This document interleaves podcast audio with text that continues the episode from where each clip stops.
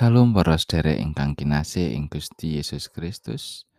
Matur nuwun panjenengan taksih miyarsakaken renungan patintenan basa Jawi Sabda winedhar menika. Sumangga sederengipun kita nampi sabdanipun Gusti, kita ndedonga langkung rumiyin. Gusti Allah Rama kawula ing swarga mulya saha langgeng. Kawula ngaturaken panuwun syukur Gusti awit sakathahing berkah paduka ing gesang kawula. Sakmenika manah kawula sampun sumadyo badhe nampi sabda paduka. Sumangga mugi Gusti ingkang madangi manah kawula nyaketaken kawula mangertosi lan ndakaken menapa ingkang paduka kersakaken. Kawula ngrumaosi tasih kathah dosa kalepatan kawula. Mugi Gusti ngapunteni. Wonten ing asmanipun Gusti Yesus Kristus kawula ndedonga lan saos syukur. Amin. Maosan kapendet saking setunggal Timotius bab 6 ayat 11 ngantos selikur. Nanging kowe he manungsane Allah ngedono iku kabeh ngarao marang keadilan, kamursitan, kasetyan, katresnan, kesabaran lan budi sareh. Nglakonono tarunging pracaya kang utama, nggayuh urip langgeng. Kang dadi underane anggonmu katimbalan sarta anggonmu nglairake sahadat kang bener ana ing ngarepe seksi akeh. Kowe dak perintah ana ing ngarsane Gusti Allah kang paring urip marang samu barang kabeh lan ana ing ngarsane Sang Kristus Yesus kang wis nglairake sahadat kang utama iku uga ana ing ngajengane Sang Pontius Pilatus. Pakon iki tetep ana ditanpa cacat lan tanpa sisip. Kongsi tumekaning titimangsane Gusti kita Yesus Kristus ngatingal. Yaiku ing titimangsa kang bakal katamtokake dening Sang Pangwaos kang ora ana tunggale lan kang kebak karahayon. Ratune para ratu sarta gustine para gusti. Iya mung panjenengane iku kang ora kena ing pati. Kang akadaton ana ing pepadang. Kang ora kena pineraan kang ora tau dineleng ing wong. Jalaran pancen ora ana wong kang bisa ndeleng ing panjenengane. Iya panjenengane iku kang sayogya kagungan kaluhuran lan pangawaos kang langgeng. Amin. Para wong sugih ing donya iki padha elingno. Supaya aja padha gumunggung lan aja padha kadunungan pangarep-arep marang samu barang kang ora tetep kaanane kayata kasugian nanging marang Gusti Allah kang marga saka sugiye maringi marang kita samu barang kabeh supaya kita ngrasakake nikmate. Padha elingno supaya padha nglakoni panggawe becik dadi sugih ing bab kabecikan dangan weweh lan memandumi temah padha nandu amal kang minangka pawitan kang prayoga kanggo ing tembe supaya padha oleh urip kang sanyata. He Timotius kang wis kapitayakake marang kowe iku reksanen.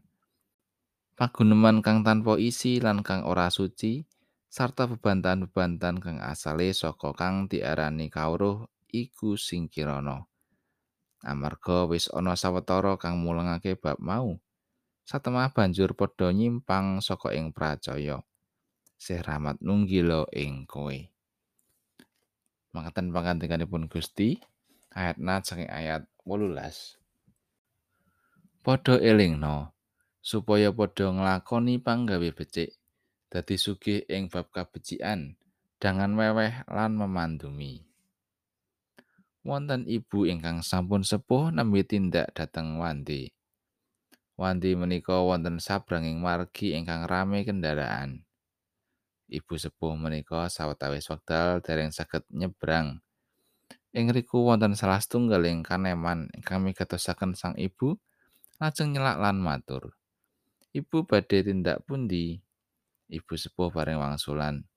Kula badhe dateng warung ing seberang. Kaneman menika matur. Nggih monggo, kula rencangi nyebrang. Saestu kekalipun lajeng nyebrang sesarangan. Dumugi seberang margi, ibu sepuh ngaturaken pamatur nuwun dhateng kaneman menika. Pancen tumindakipun kaneman kala wau namung prasaja, ananging saestu maedhai tumrap sesami. Tumindakipun nem-neman kala wau saestu sae.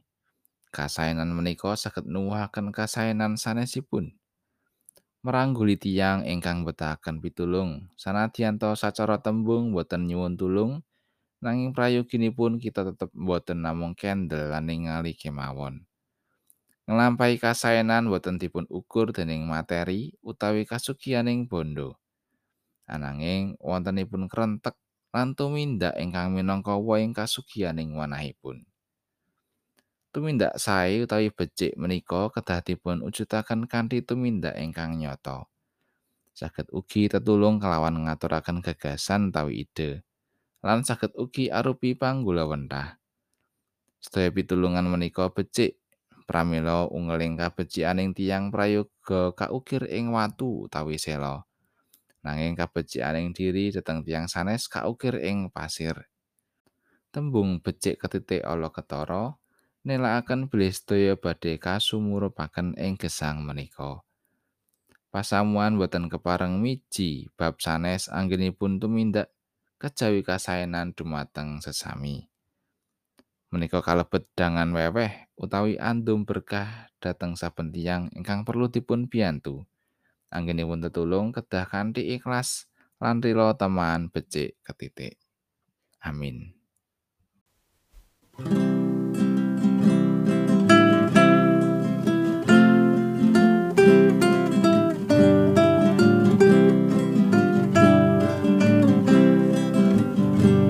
Gapyar si Gusti nimbali wong kamomotan Marekolan buka ati nampi pangluaran. Kulo ngayo maring Gusti Tian ayam sejati Awet tansa pinerkahan sinung kararjan